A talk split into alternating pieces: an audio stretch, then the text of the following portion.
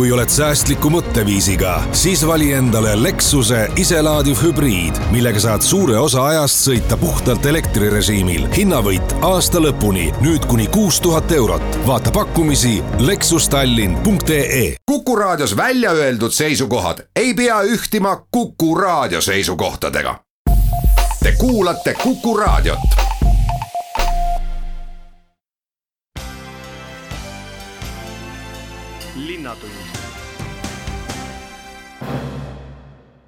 tere päevast, Linnatund alustab stuudios on saatejuht Ulle Länts ja selleks, et vaadata tagasi kohe läbisaavale aastale kaks tuhat üheksateist, olen palunud stuudiosse Tallinna linnapea Mihhail Kõlvarti. härra linnapea, tere tulemast Linnatunni saatesse. tere no kui äh, vaadata seda aastat kaks tuhat üheksateist, siis ma arvan, et te isiklikult peaksite sellega küll väga rahul olema, et kõigepealt suurepärane tulemus valimistel, siis Tallinna linnapea koht, siis ümberkorraldused linnas, mis ei saanud isegi laviini kriitikat, pigem heakskiitu. ja kui teist endast linnapeana rääkida, noh, ma ei tea küll, mis volikogu saalis toimub, seal on selline tavaline poliitiline jagelemine, aga üldiselt kiidavad teid isegi opositsioonis olevad poliitikud. see oli hea aasta ma võib-olla alustaks sellest, et äh, tegelikult äh, Äh, linnavolikogu saalis on äh, päris huvitav äh, kuulata opositsiooni tagasisidet. et ma arvan, see tegelikult on väga kasulik tagasiside ja vaatamata sellele, et loomulikult opositsiooni hoiakud on kriitilised, aga mulle tundub, et et äh, sellest on äh, palju kasu. ja, ja, ja, ja tuleb öelda, et see kriitika ka inspireerib äh, ja annab ka mõnikord huvitavaid mõtteid, et mina alati kuulan kriitikat ja kuulan ka ettepanekuid, isegi siis, kui need ei ole võimalik ellu viia, nad annavad mõtteaineid selleks, et ühes või teises valdkonnas äh, uusi arenguid välja mõelda. et äh, mida rohkem sa inimestega suhtled, äh, seda rohkem sa saad täiendava ressurssi. Seal, sealhulgas ka kriitilise suhtlemise ajal sa võid seda kasutada mm, selleks, et läbi mõelda enda äh, tegevusstrateegiad. No mõnes mõttes äh, vaadates neid muutusi, mida te olete teinud, äh, asusite te linnapea toolile ka päris heast positsioonist, sest et linnasüsteem oli piisavalt tuttav, selja taga oli karjäär abilinnapeana, volikogu esimehena ja no tuleb tunnistada, et teie meeskond, noored abilinnapead, noored linnaosavanemad on ilmselt ka küllaltki inspireeriv mulle tundub, et meil äh, tekkis selline meeskond, äh, kus on äh, väga kogenenud kolleegid, kes on töötanud linnasüsteemis isegi kauem kui mina ja, ja tõe, tõepoolest sellised nooremad inimesed, kellel on entusiasmi, ideid ja aga ka soovi tegutseda. et äh, ma arvan, selline sünergia peakski igas meeskonnas äh, tekkima. Äh, vanemate kolleegide kogemus, äh, tarkus ja nooremate kolleegide energia. ma arvan, et meie meeskonnas see on olemas no kõigele vaatamata oli see ikkagi linnapeana teile esimene eelarve, mis tuleval aastal või mida te tuleval aastal kasutama saate hakata ja mis siis äh, volikogu poolt on nüüd ka juba heakskiidu saanud. Tallinna puhul ju üldiselt räägitakse, et noh, et mis Tallinnal viga, et eh, Tallinna eelarvet kokku panna ilmselt on sulaselge rõõm, et Tallinnal on raha palju ja no ma pean ütlema, et tegelikult kui vaadata teisi omavalitsusi, siis ongi palju, sest et et äh, ma eelmiste kohalike omavalitsuste valimiste ajal käisin ka mitmetes äh, või osalesin mitmetes ja juhtisin mitmeid valimisdebatte ja siis ma sain tõesti aru, et ega väikestes omavalitsuses õieti mitte millegi üle vaielda ei olegi, sest raha lihtsalt ei ole. Tallinnal nüüd seda probleemi ei ole, samas ei ei saa te ju öelda, et noh, et Tallinn ujub ka lõputult raha sees. et äh, järgmisel aastal, äh, kas eelarvet kokku pannes oli mõni selline asi, mille puhul te ise mõtlesite, et noh, kindlasti tahaks ja peaks tegema, aga no ei tule välja? noh, tuleb tõdeda, et raha on muidugi ressurss, aga samas raha on alati ka probleem, ka Tallinna linna puhul. Jah, meil on kindlasti kõige suurem äh, eelarve võrreldes äh, teiste omavalitsustega, aga meil on ka kõige suuremad kulud ja ma arvan, et ka tallinlaste ootused on kõige kõrgemad mis mulle tundub, äh, peab olema alati prioriteediks, see on sotsiaalsüsteem. ja just selles valdkonnas võrreldes eelmiste aastatega me otsustasime, et linn peaks rohkem panustama.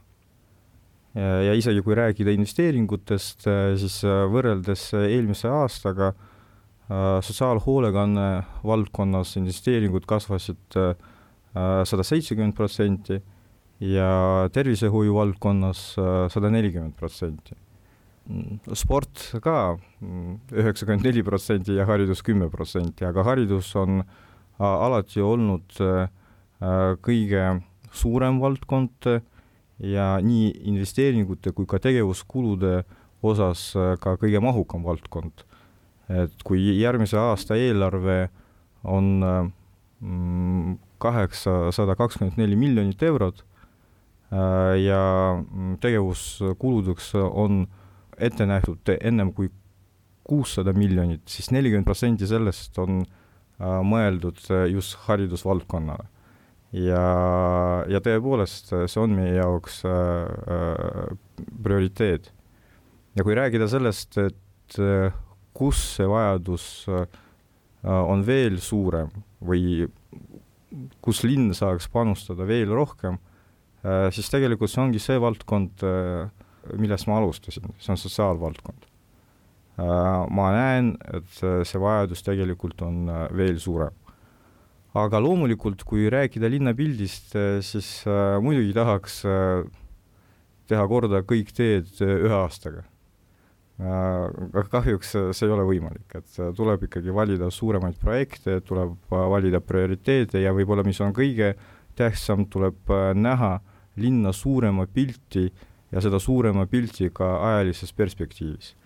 Äh, selleks, et äh, osata äh, neid vajalikud investeeringud planeerida no ma selle sotsiaalvaldkonna puhul tahan teie kiituseks või linnavalitsuse võib-olla ka selle ala abilinnapea kiituseks öelda veel sedagi, et ja juhtida ka kuulajate tähelepanu, et mitmedki toetuste taotlemise korrad muutuvad tulevast aastast oluliselt mõistlikumaks. et äh, inimesed, kes neid taotlevad, võiksid siis nüüd nende uuendustega ennast ise kurssi viia, aga taotleja jaoks läheb ikkagi paremaks, bürokraatia jääb väiksemaks ja, ja mõnede asjade puhul nagu ranitsa toetus, minu meelest läksid ka nõuded natuke leebemaks seal, et äh, kus see vanem täpselt pidi elama ja kas nad pidid lap-, lapsega ühel aadressil elama või mitte, et seda tasub järgmisest aastast äh, tähele panna ja see on nagu selline süsteemi muutmine ja see on hea, kui inimeste jaoks läheb süsteem paremaks. Jaa äh,, kasvavad ka äh, finantsilised mahud, mida me eraldame sotsiaalvaldkonna toetamiseks äh,, aga mis on tõepoolest tähtis äh,, terve suvi me istusime abilinnapeadega sellest, selleks, et äh, analüüsida süsteemi et äh, ainult äh, finantsiga ei ole võimalik äh, linna juhtida. Kõigepealt tuleb süsteemi üles ehitada, lähtuvalt sellest tuleb aru saada, mis on mõistlik struktuur ja siis võib ka raha panna voolama. muidu see ei ole kunagi efektiivne, kui ainult rahamassiga püüda kõiki probleeme lahendada me teeme oma jutuajamisse väikese pausi ja hetke pärast jätkame. linnatund. Linnatund läheb edasi, stuudios on Tallinna linnapea Mihhail Kõlvart ja kui nüüd veel tulevast aastast rääkida ja eelarvest ja kuludest ja tuludest, siis järgmise aasta üks märksõna on see, et läheb kallimaks ühistranspordipilet nendele, kes Tallinnas ei ela.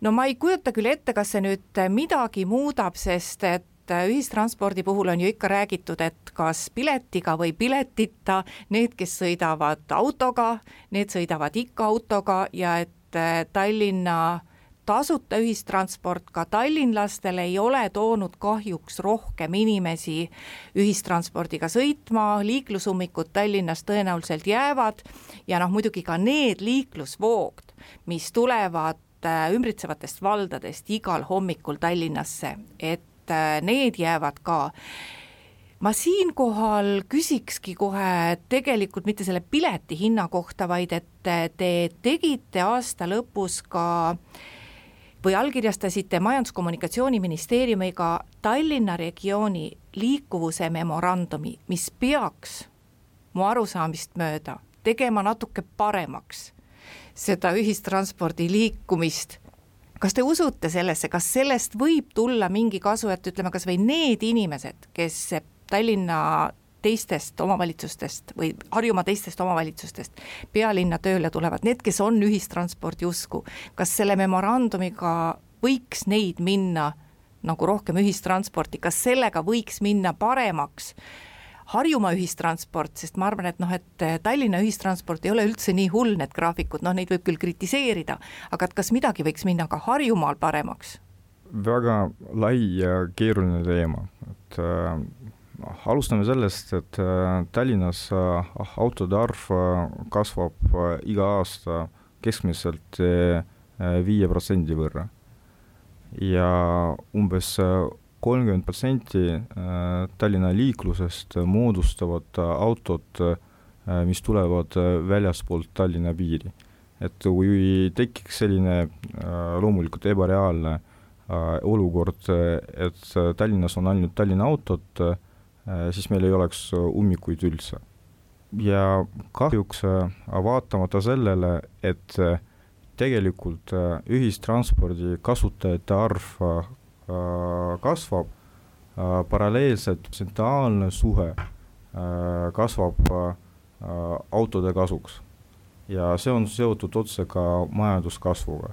ja see ei ole ainult Tallinna või Eesti tendents, tegelikult isegi äh, Äh, sellistes riikides äh, nagu Taani või Holland, äh, kus on väga sügav jalgrattausk, see on ühiskonna ideoloogia, isegi seal autode arv kasvab iga aasta koos majanduskasvuga.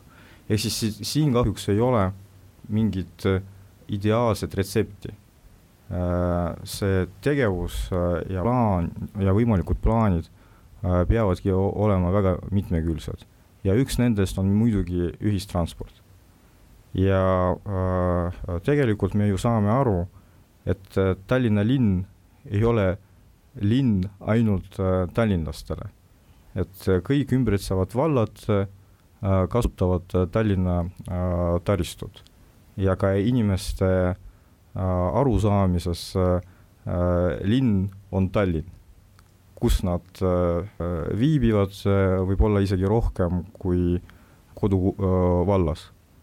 ja nad töötavad Tallinnas, tihti kasutavad äh, ka koole ja lasteaedu ja, ja, ja loomulikult äh, sellega tuleb arvestada. ehk siis see tähendab ka seda, et on väga loogiline, et Tallinna ja ümbritsevate vallade ühistranspordisüsteem peab olema ühtne. selleks, et see oleks mugav, kiire ja loogiline. ja kui päris aus olla, siis sellega oli vaja tegeleda juba päris ammu, aga nüüd mm, see arusaam riigi ja Tallinna tasandil tekkis ja ma arvan, et oleks väga tähtis, et see ühine arusaam tekiks ka meie kolleegidel teistes, teistest omavalitsustest. Äh, ainult siis saab äh, seda süsteemi luua.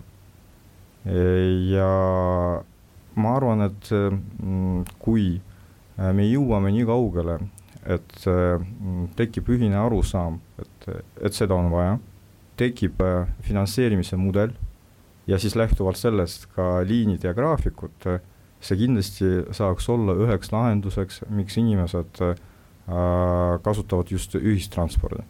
Äh,. sest see saaks muuta ühistranspordi äh, palju mugavamaks kuidas teil üldse see koostöö ümbritsevate valdadega on? Ja noh, ma saan aru, et riigi tasandilt äh, ei ole seda mõeldud, et noh, et arvestades, et ümbritsevate valdade inimesed kasutavad väga palju Tallinnat, nad põhimõtteliselt ongi tallinlased, käivad ainult magamas oma koduvallas, noh riik ei ole võtnud seda jutuks, et et üksikisiku tulumaksu võiks sellisel juhul jagada, et noh, et Tallinn võiks ju ka saada midagi nende inimeste maksudest, kes tegelikult Tallinnat kasutavad, aga oma maksud maksavad sinna kohalikku valda, kus nad magamas käivad.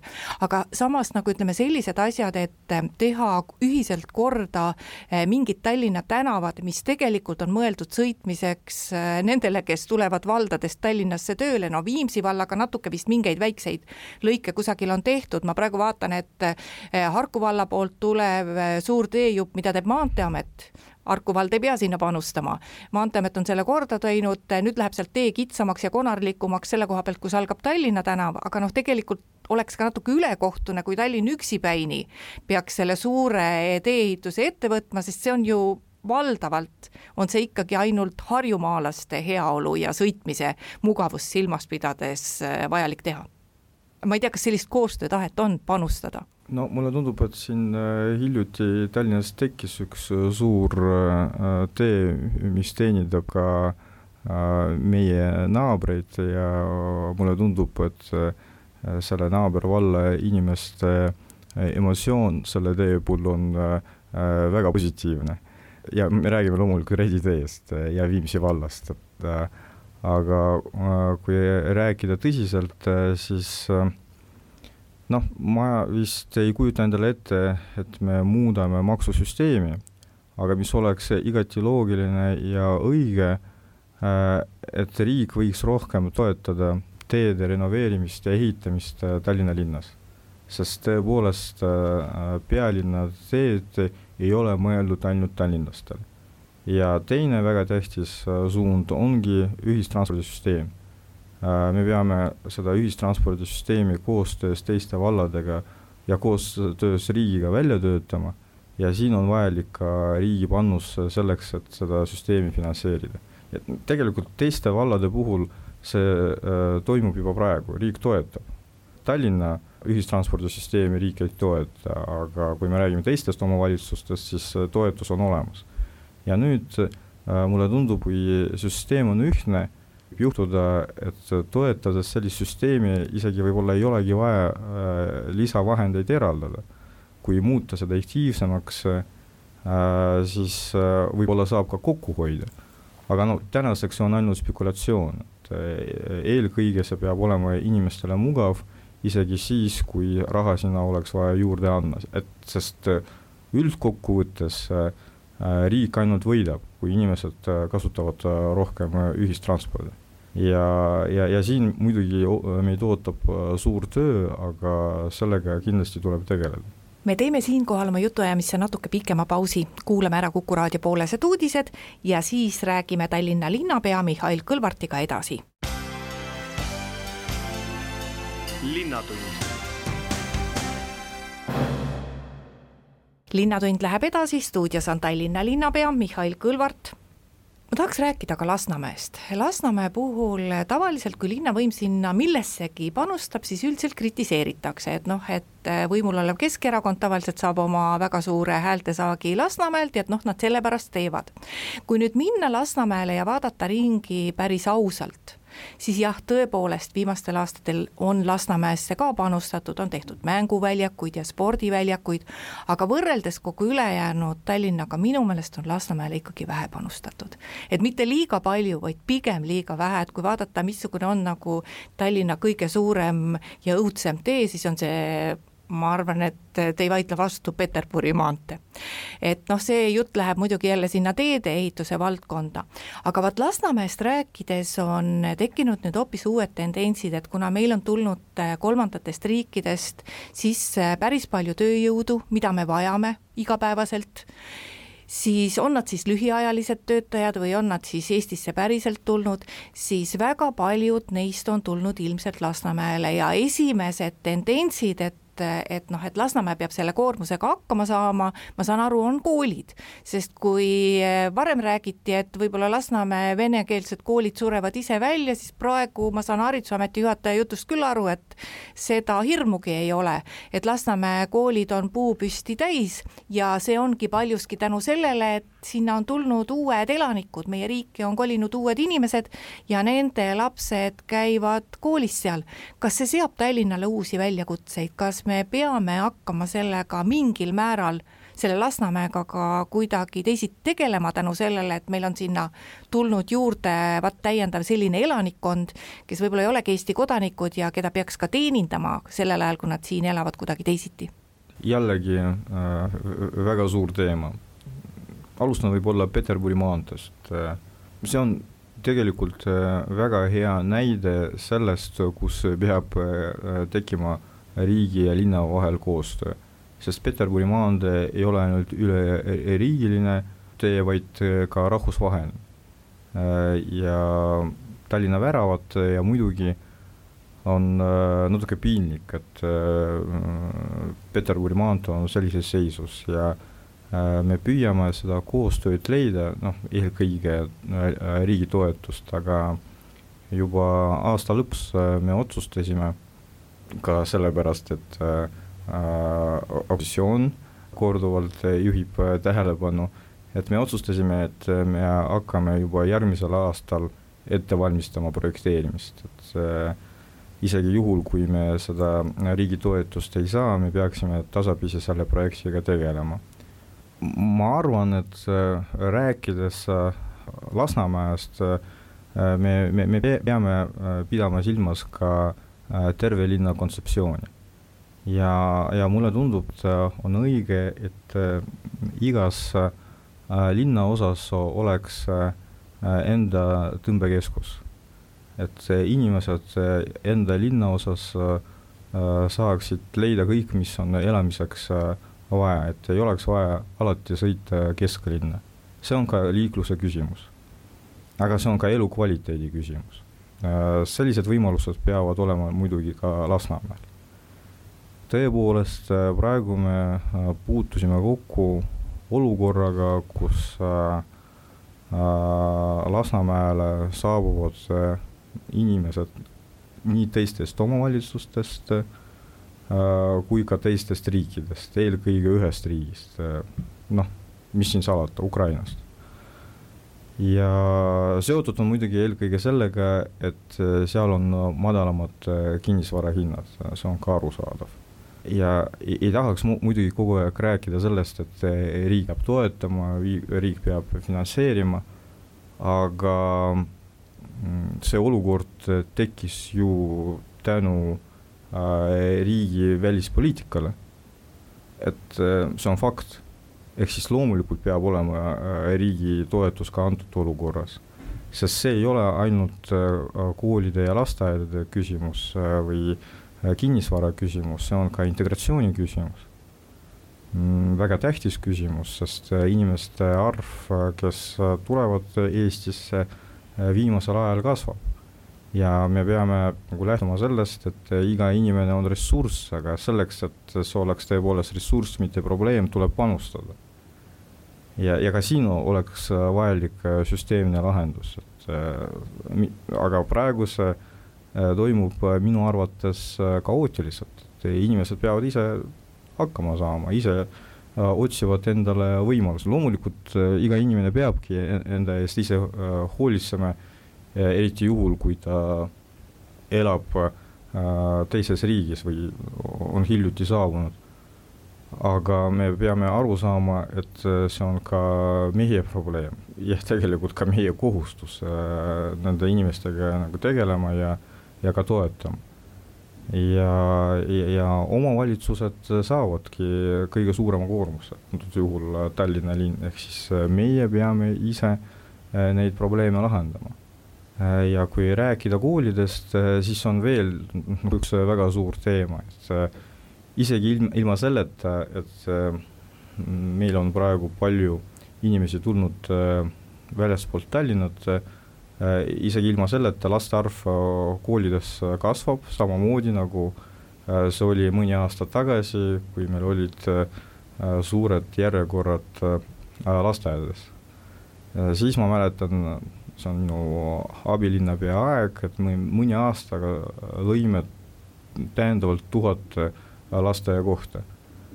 aga koolide puhul seda teha on natuke keerulisem.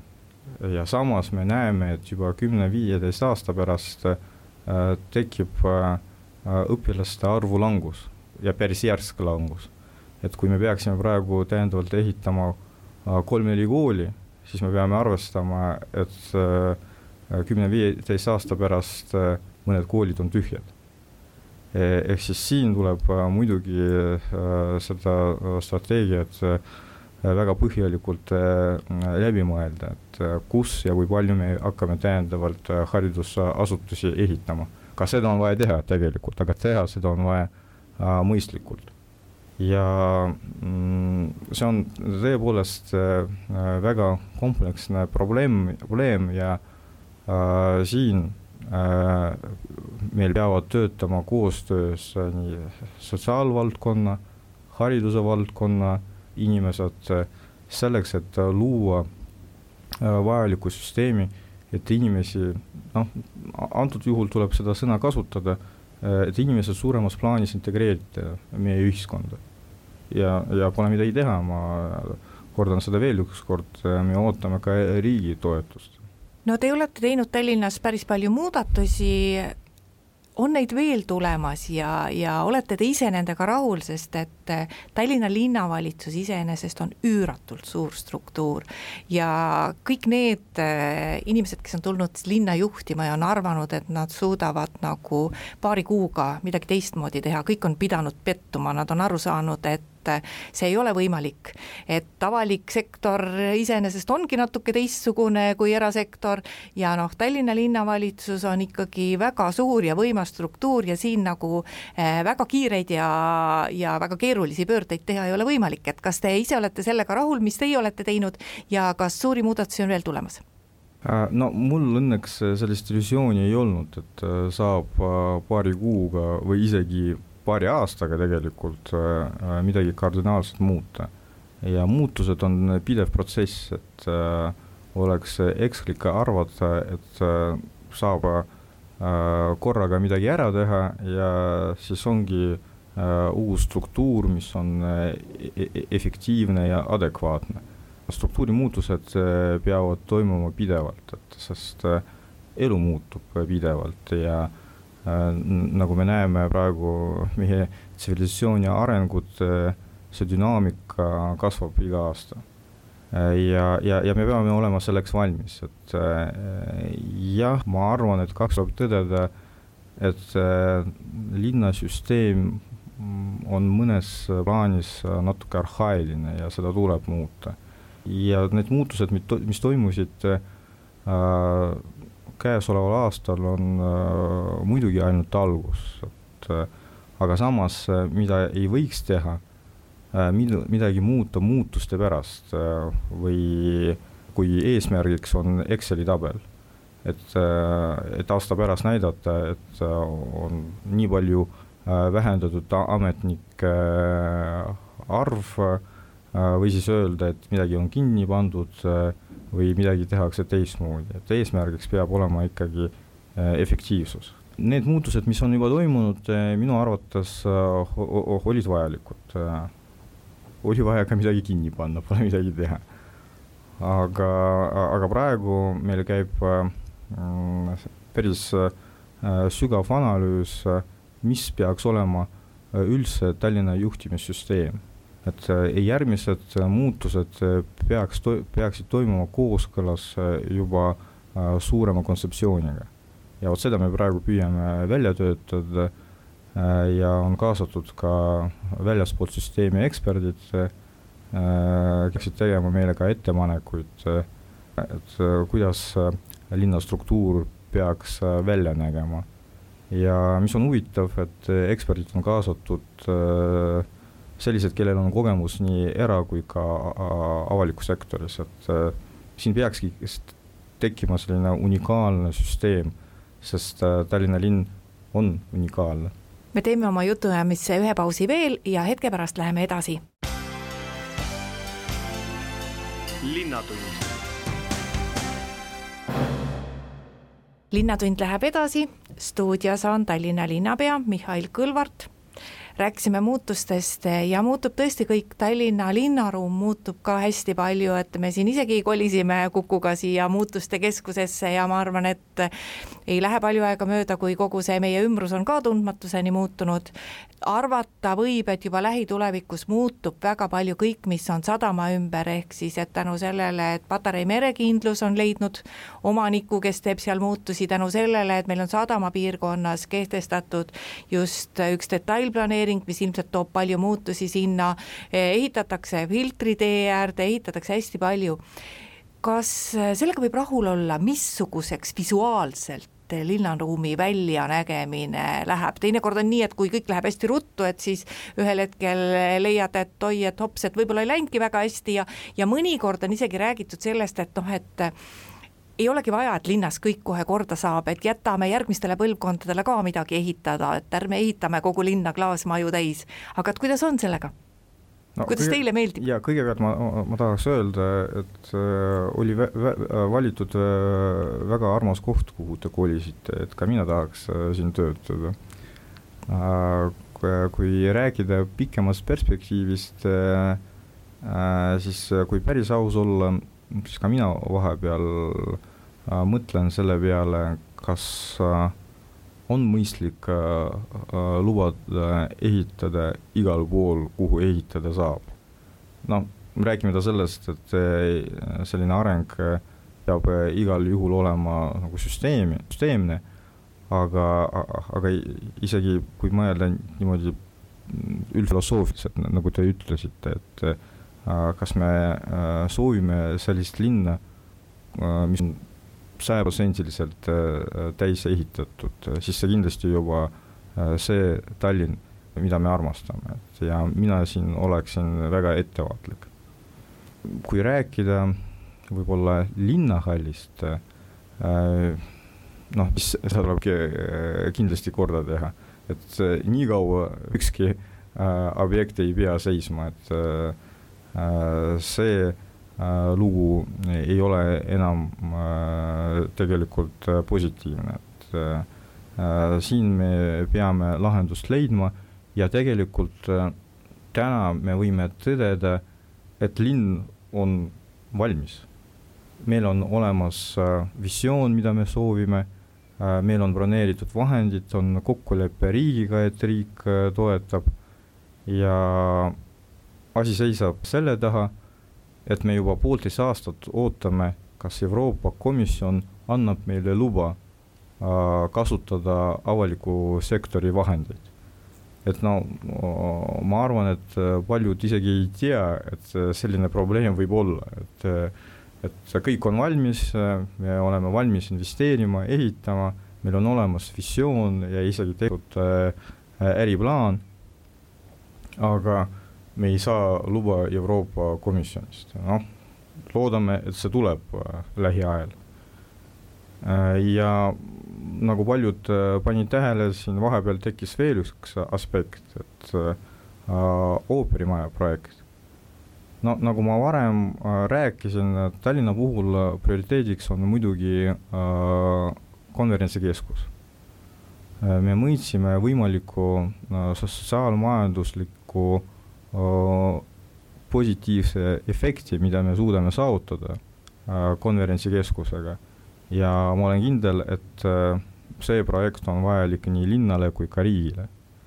samas äh, oleks äärmiselt vale vastandada konverentsikeskuse ooprimajale ja sellepärast me otsustasime, et me peame tegema koostööd ja koos äh, seda veel ükskord läbi analüüsima, kas on võimalik, kas on olemas selline ruumiline lahendus äh, ja finantseerimise skeem, mis paneks äh, kaks kontseptsiooni kokku, konverentsikeskus ja ooperimaja, või seda ei ole. ja isegi, kui seda ei ole ja mõlemad projektid oleks vaja eraldi ellu viia, isegi sel juhul oleks õige, et me realiseerime neid projekte koostöös. ja, ja selles suunas me praegu püüame äh, liikuda. aga muidugi jutt on väga suurtest äh, investeeringutest, et äh, kui rääkida ainult konverentsikeskusest, siis esialgsete plaanide järgi see on umbes sada kakskümmend miljonit eurot, kui rääkida topeltkontseptsioonist, konverentsikeskus ja ooperimaja, no tegelikult see on kuni kakssada viiskümmend miljonit eurot. No vot, nüüd te vastasite peaaegu ära mu sellele küsimusele, mida ma hakkan kohe esitama, aga ma küsin selle küsimuse ikkagi ära, et Tallinna suured tee-ehitusobjektid on äh, selleks korraks nüüd Reidi teega lõppenud, et alustati ju sellest Ülemiste ristmikust, mis oli ju tõesti megaprojekt, siis tehti Haabersti korda, väiksemana veel Gonsiori tänav, nüüd Reidi tee ja ma tahtsingi küsida, et äh, missugune on see järgmine objekt ja ma ei pidanud üldse silmas, et see peab olema tee-ehitust. ma saangi aru, et see võikski nüüd olla kas siis linnahall või Tallinnal on ju ka väga ambitsioonikas plaan Tallinna haigla osas tegelikult äh, projekte on rohkem ja see ongi strateegiline küsimus, äh, mis on võimalikud prioriteedid ja millega me alustame. noh, me rääkisime siin Peterburi maanteest, tegelikult praegu käib ettevalmistus selleks, et projekteerida Mustakivi tee läbimurre, seal peab olema eelkõige tehtud Äh, keskkonnamõju analüüs, äh, aga see on ka väga suur projekt. laua peal on Estonia puiestee tunnel, äh, Rävala puiestee läbimurre, üks väga aktuaalne projekt, ma isegi ütleksin, operatiivne projekt on uus trammiliin, liin, mis ühendaks sadama ja lennujaama. ja selliseid projekte on tegelikult veel. kas kõik need projektid on reaalsed, jah, väga reaalsed ja me, me väga tõsiselt eh, nendega tegeleme. kas saab kõik projektid korraga e e ellu viia? muidugi mitte. ja see ongi praegu väga tähtis küsimus, kuidas eh, planeerida investeeringuid nii, et nad oleksid eh, mõistlikud. ja, ja võib-olla veel üks näide sellest aastast, Peatänava projekt. asi ju ei ole selles, et Peatänava projekt oli halb lihtsalt äh, see ei olnud äh, läbimõeldud äh, nii, et kuidas seda ellu viia ja millal seda ellu viia ja mis on selle projekti tegelik mõju. ehk siis iga suure projekti puhul peab eelkõige tege-, tegema sügava analüüsi, mis on ajaline perspektiiv ja mis on võimalikud mõjud ja riskid ja sellega me praegu tegeleme. aitäh, Tallinna linnapea Mihhail Kõlvart tulemast Linnatunni saatesse, saatejuht ütleb kuulajatele ka aitäh kuulamise eest ja järgmine Linnatund on nüüd küll eetris juba järgmisel aastal, kuulmiseni. linnatund